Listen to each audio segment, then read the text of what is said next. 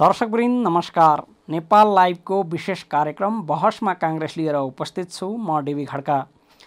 देशको पुरानो तथा प्रमुख दलमध्ये एक नेपाली काङ्ग्रेस चौधौँ महाधिवेशन केन्द्रित छ। भदौभित्र महाधिवेशन गर्नै पर्ने संवैधानिक बाध्यतामा परेको काङ्ग्रेसले साउन बाह्रदेखि वडा तहबाट अधिवेशन सुरु गर्नेछ र भदौ सोह्रदेखि उन्नाइस गतेसम्म केन्द्रको महाधिवेशन हुनेछ।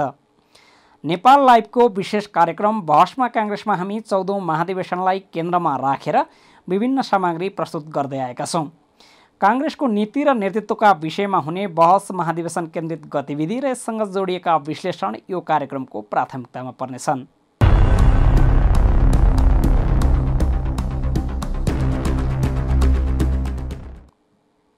नेपाली काङ्ग्रेसको इतिहास जति लामो छ पार्टीभित्र गुटको इतिहास पनि उति नै लामो छ। राणाकाल र पञ्चायतकालमा व्यवस्था परिवर्तनका लागि सङ्घर्ष गरिरहँदा पनि नेपाली काङ्ग्रेसभित्र गुटको टक्राव थियो तर बाहिर छताछुल्ल थिएन। चुनावी राजनीतिमा आएपछि दुई हजार सात दुई हजार सत्र र दुई हजार सत्तालिस यता भने गुटबीच खुलेआम द्वन्द भए। बहसमा काङ्ग्रेसको आजको श्रृङ्खलामा सुरुवातमै काङ्ग्रेस कसरी गुटको गोलचक्करमा फस्यो भन्ने इतिहास केलाउँदैछौँ। नेपाली काङ्ग्रेस स्थापनापछि अहिलेसम्म दुई पटक पार्टीमा ठूला विभाजन भएका छन्। विभाजन हुँदा ताका दुवै पटक काङ्ग्रेस नेतृत्वको सरकार थियो। पहिलो पटक दुई हजार नौ सालमा पार्टी विभाजन हुँदा मातृका प्रसाद कोइराला प्रधानमन्त्री थिए। बीपी कोइराला पार्टी सभापति थिए। दोस्रो पटक दुई हजार उनासाठी सालमा विभाजन हुँदा शेरबहादुर देउबा नेतृत्वको सरकार थियो। सभापति गिरिजा प्रसाद कोइराला थिए। उनी दुई हजार सन्ताउन्न सालमा पोखरामा भएको दशौं महाधिवेशनमा देउबालाई पराजित गरेर सभापति भएका थिए। तर दुई गुट बीचको द्वन्द यथावत थियो। सरकारको नेतृत्व गरेका देउबालाई दुई हजार उनासाठी सालमा सङ्कटकाल नथप्न पार्टीले निर्देशन दियो। माओवादी द्वन्द चरम अवस्थामा थियो। देउबाले पार्टी निर्देशन अवज्ञा गर्दै सङ्कटकाल लम्ब्याए। केन्द्रीय समितिमा कोइरेला बहुमतमा थिए।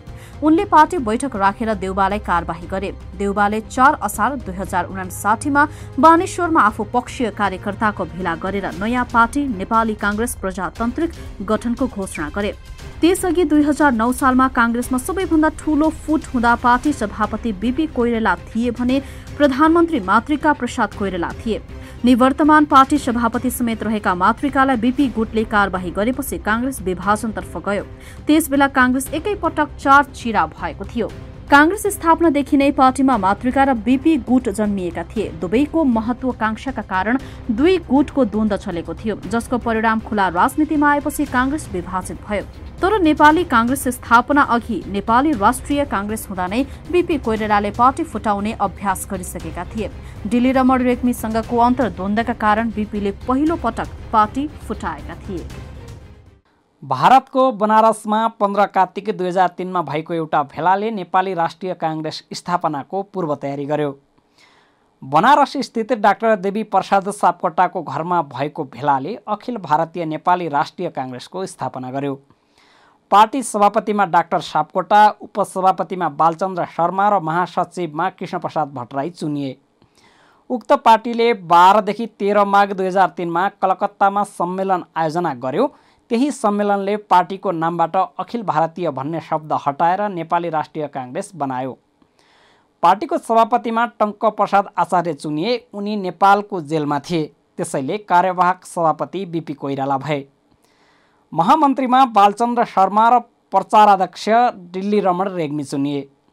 संस्मरात्मक पुस्तक अँध्यारोबाट उज्यालोतिरमा काङ्ग्रेस संस्थापक नेतामध्येका एक रामरी जोशीले नेपाली राष्ट्रिय काङ्ग्रेस स्थापना हुँदा नै बिपी गुट र रेग्मी गुट खडा भएको उल्लेख गरेका छन्।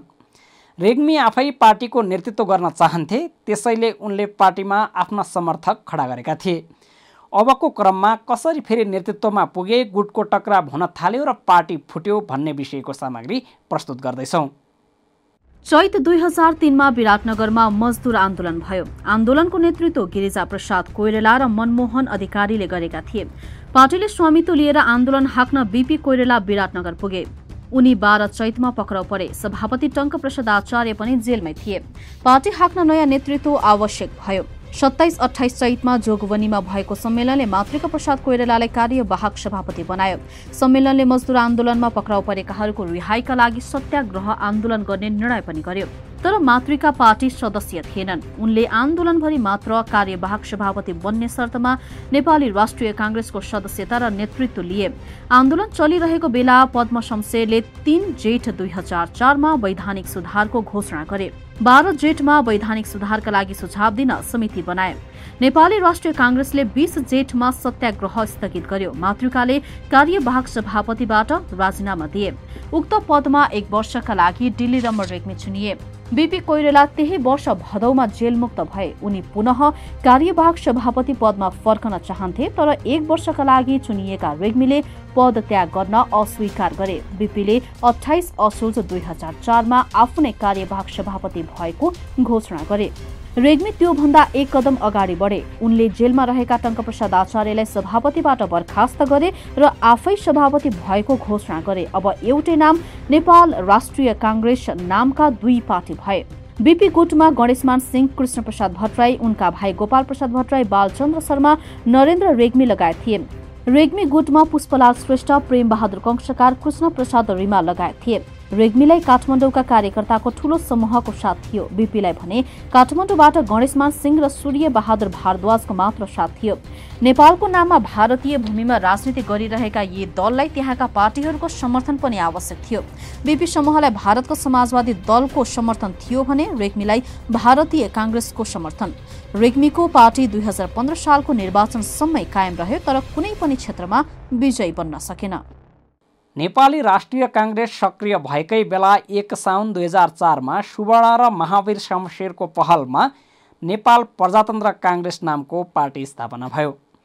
उक्त पार्टीको सभापति महेन्द्र विक्रम शाह र महामन्त्री सूर्यप्रसाद उपाध्याय भए। पार्टीले सशस्त्र क्रान्तिबाट राणा शासन फ्याँक्ने नीति लियो।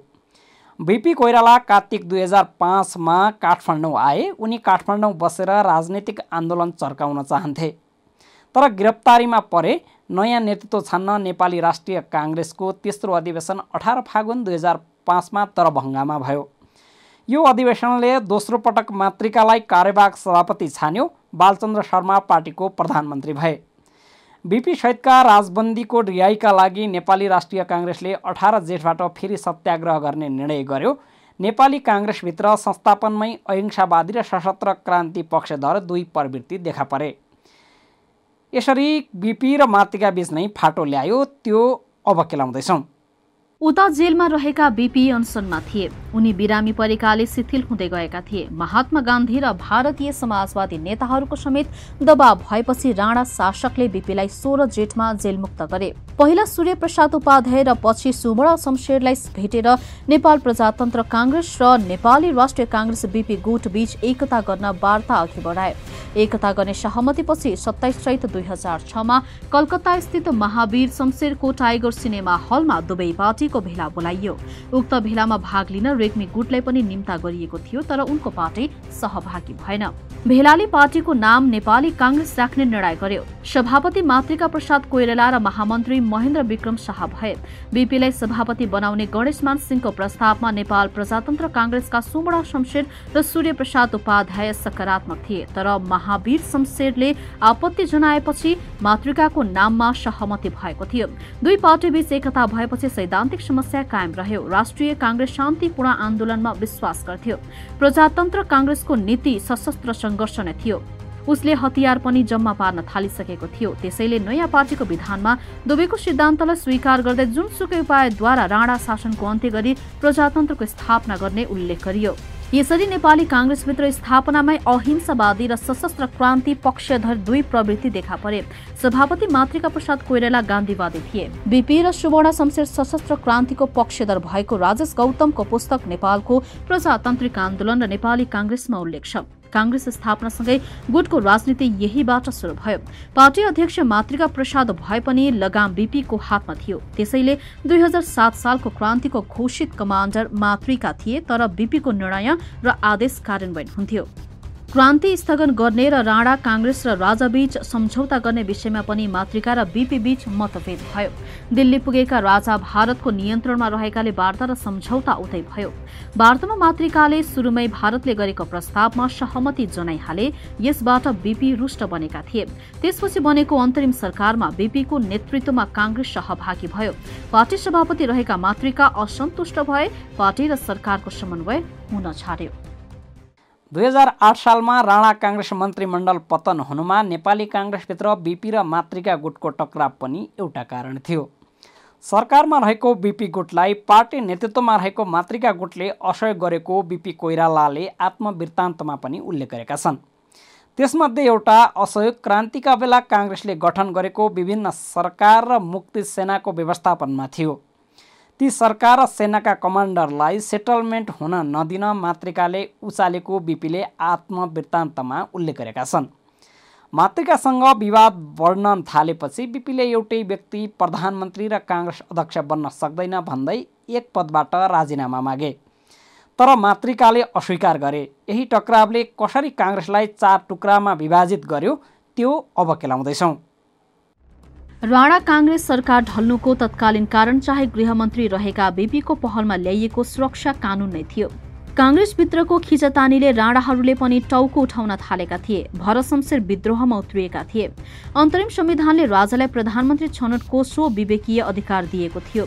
नेपाली काङ्ग्रेसको एक पक्ष बिपी नेतृत्वमा र अर्को पक्ष सभापति मातृका नेतृत्वमा एकमना सरकार गठन गर्न चाहन्थ्यो।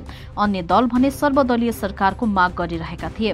बिपीले राजा त्रिभुवनलाई भेटेर आफूले काङ्ग्रेस नेतृत्वको सरकार बनाउन पाउनुपर्ने बताए। तर भारतका प्रधानमन्त्री जवाहरलाल नेहरूले बिपीलाई मन पराउँदैन थिए। यता मातृकाले पनि राजालाई भेटेर सरकारको नेतृत्व गर्न पाउनुपर्ने बताए नेहरू उनकै पक्षमा थिए। कृष्ण प्रसाद भट्टराईले बिपीलाई प्रधानमन्त्री बनाउनु पर्ने प्रस्ताव राखे तर महावीर शमशेरले विरोध जनाए। उनले मातृकालाई प्रधानमन्त्री बनाउनु पर्ने प्रस्ताव राखे। मातृकाले राजाले प्रधानमन्त्रीका लागि पार्टीबाट औपचारिक प्रस्ताव गर्न भनेपछि उनले केन्द्रीय कार्य समितिको बैठक बोलाए। बैठकमा कृष्ण प्रसाद भट्टराईले बिपीलाई प्रधानमन्त्री बनाउनु पर्ने प्रस्ताव राखे तर महावीर शमशेरले विरोध जनाए। उनले मातृकालाई प्रधानमन्त्री बनाउनु पर्ने प्रस्ताव राखे। राजा त्रिभुवनले एक मङ्सिर दुई हजार आठमा मातृकालाई प्रधानमन्त्री नियुक्त गरे। नयाँ सरकार गठनपछि भारतीय हस्तक्षेप झनै बढ्यो। बाइस फागुन दुई हजार आठमा भारतका प्रधानमन्त्री जवाहरलाल नेहरूले भारतीय संसदमा बोल्दै भारत हिमालसम्म आफ्नो सुरक्षा सीमा सम्झन्छ भन्ने अभिव्यक्ति दिए। चीनसँगको सीमा नजिकै चिनिया सेनाको गोलीले नेपाल पुलिसका एक हवलदार मारिएको घटनामा नेहरूले यस्तो अभिव्यक्ति दिएका थिए। यसको विरोधमा काठमाडौँमा प्रदर्शन भए। काङ्ग्रेसभित्र बीपी गुटका नेताहरू नै विदेशी हस्तक्षेप भयो भन्न थाले। यसले सरकार पक्ष मातृका गुट र पार्टी पक्ष बीपी गुट बीच वैमनस्य उत्पन्न भयो। यही बीच डाक्टर केआई सिंहले सिंहदरबार विद्रोह गरे तर उनी गिरफ्तार पर्नु अघि नै भागेर तिब्बत पुगे। यी सबै घटनामा बीपी गुटले सहयोग नगर्दा मातृका सरकार कमजोर भयो। मातृकासँग विवाद बढ्न थालेपछि बीपीले एउटै व्यक्ति प्रधानमन्त्री र काङ्ग्रेस अध्यक्ष बन्न सक्दैन भन्दै एक पदबाट राजीनामा मागे तर मातृकाले अस्वीकार गरे। विवादकै बीच दसदेखि तेह्र जेठ दुई हजार नौमा जनकपुरमा काङ्ग्रेसको पाँचौं महाधिवेशन भयो। महाधिवेशनबाट बीपी सभापतिमा निर्वाचित भए त्यस लगतै पार्टीले सरकार शुद्धिकरणका लागि केही निर्देशन दियो तर प्रधानमन्त्री मातृकाले अस्वीकार गरे। विशालनगरमा बसेको पार्टीको विशेष महासमिति बैठक पनि मातृका गुटले बहिष्कार गर्यो। त्यसपछि पार्टीले आठ साउन दुई हजार नौमा मातृकालाई सरकारबाट राजीनामा दिन निर्देशन दियो। यसरी जनकपुर सम्मेलनले बीपीलाई सभापति चयन गर्दा काङ्ग्रेस फुटतिर अग्रसर भयो। मातृकाले अडचालिस घण्टाभित्र राजीनामा नदिएपछि काङ्ग्रेसले उनी सहित नारदमुनि थुलुङ महावीर शमशेर र महेन्द्र विक्रम शाहलाई पार्टीबाट निष्कासन गर्यो। त्यस लगतै भद्रकाले मिश्रले नयाँ पार्टी जन काङ्ग्रेस गठन गरे। बालचन्द्र शर्मा केदारमान बेथित र भरत मणि शर्माले नेपाली काङ्ग्रेस वामपन्थी गठन गरे। मातृकाले पार्टीबाट कार्यवाही भोगेको दस महिना सोह्र वैशाख दुई हजार दसमा आफ्नो नेतृत्वमा राष्ट्रिय प्रजा पार्टीको स्थापना गरे। यही पार्टीको अध्यक्षको हैसियतमा उनलाई राजा त्रिभुवनले सात फागुन दुई हजार दसमा दोस्रो पटक प्रधानमन्त्री नियुक्त गरे। यसरी बिपी मातृका टक्रावले नेपाली काङ्ग्रेसमा पहिलो विभाजन भयो। पार्टी एकैपटक चार चिरा भयो। तर भविष्यमा मातृका भद्रकाली मिश्र र बालचन्द्र शर्माको पार्टी टिक्न सकेनन्। बिपी नेतृत्वको नेपाली काङ्ग्रेस बलियो भएर आयो त्यही पार्टी अहिले चौधौँ महाधिवेशनको सङ्घारमा उभिएको छ।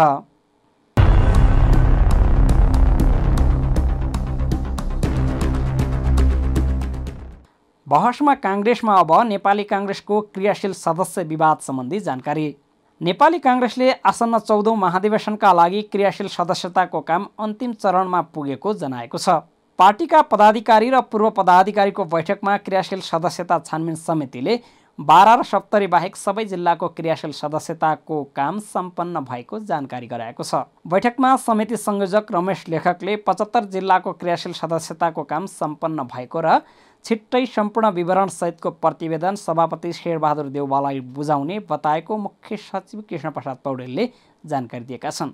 बैठकले क्रियाशील सदस्यताको विवादले भएको ढिलाइलाई व्यवस्थापन गर्न पार्टीको केन्द्रीय निर्वाचन समिति सहमहामन्त्री डाक्टर प्रकाश शरण महत र केन्द्रीय सदस्य डाक्टर मिनेन्द्र रिजाललाई निर्वाचन निर्देशिकामा रहेका अप्ठ्यारा सहजीकरण गर्न जिम्मेवारी प्रदान गरेको छ। काङ्ग्रेस कार्यकर्ताद्वारा सदस्यता विवाद छानबिन समितिका सदस्यमाथि हातपात प्रयास गरेको सम्बन्धी अर्को प्रसङ्ग।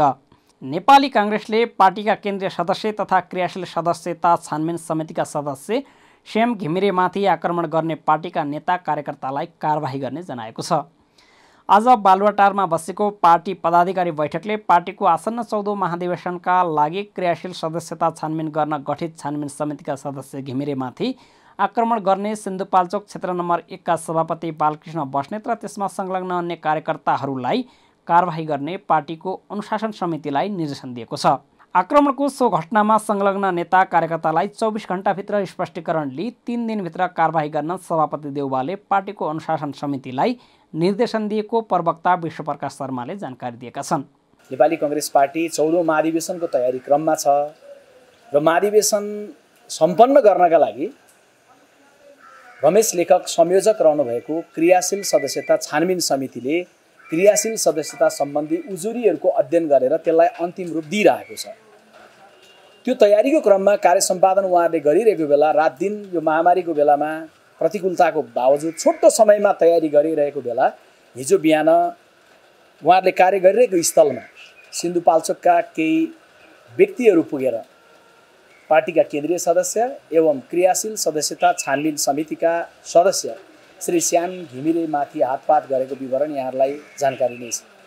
आजको बैठकले सभापतिको सभापतित्वमा बसेको बैठक जसमा वरिष्ठ नेता रामचन्द्र पौडेल अर्का नेता कृष्णप्रसाद सिटौला एवं पार्टीका सबै पदाधिकारीहरूको उपस्थिति थियो। सो बैठकले क्रियाशील सदस्यता छानबिन समितिले निर्णय गरेर ल्याएको पत्र बमोजिम नेपाली काङ्ग्रेस सिन्धुपाल्चोक जिल्ला क्षेत्र नम्बर एकका सभापति बालकृष्ण बस्नेत एवं आक्रमणको घटनामा संलग्न भएका व्यक्तिहरू उप चौबिस घन्टाभित्र स्पष्टीकरण काटेर तिन दिनभित्र सङ्गठनको अनुशासनको कारवाही गर्नका लागि सभापति शेरबहादुर देउवाले पार्टीको अनुशासन समितिलाई निर्देशन दिनुभएको छ। बस्नेत नेतृत्वको टोली शुक्रबार बिहान पार्टीको केन्द्रीय सदस्य एवं क्रियाशील सदस्यता छानबिन समितिका सदस्य घिमिरेमाथि समितिको कार्यालयमै पुगेर हातपात गरेका थिए। सोही घटना पार्टीको अनुशासन विपरीत रहेको निष्कर्ष निकाल्दै काङ्ग्रेसले कारवाही गर्न अनुशासन समितिलाई निर्देशन दिएको हो। नेपाल लाइभको बसमा काङ्ग्रेसको आजको श्रृङ्खला यति नै। हाम्रा अन्य कार्यक्रम Nepal लाइभको Facebook page YouTube channel Twitter र हाम्रो वेबसाइट नेपाल लाइभ डट कममा पढ्न र हेर्न सक्नुहुनेछ।